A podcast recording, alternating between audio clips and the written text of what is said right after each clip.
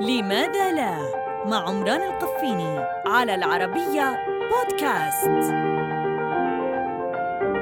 لماذا لا نتوقف عن تناول المضاد الحيوي قبل انتهاء الوصفة؟ تقول مراكز السيطرة على الأمراض والوقاية منها إن نحو الثلث إلى نصف استخدامات المضادات الحيوية عند البشر غير ضروري.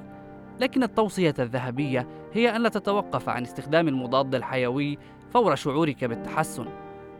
يعتمد المعالج في وصف الدواء المناسب على تقييمه للعدوى.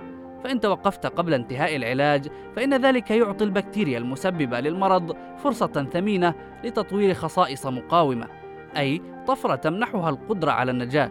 لا بل إنها تمرر تلك الطفرة للبكتيريا الأخرى.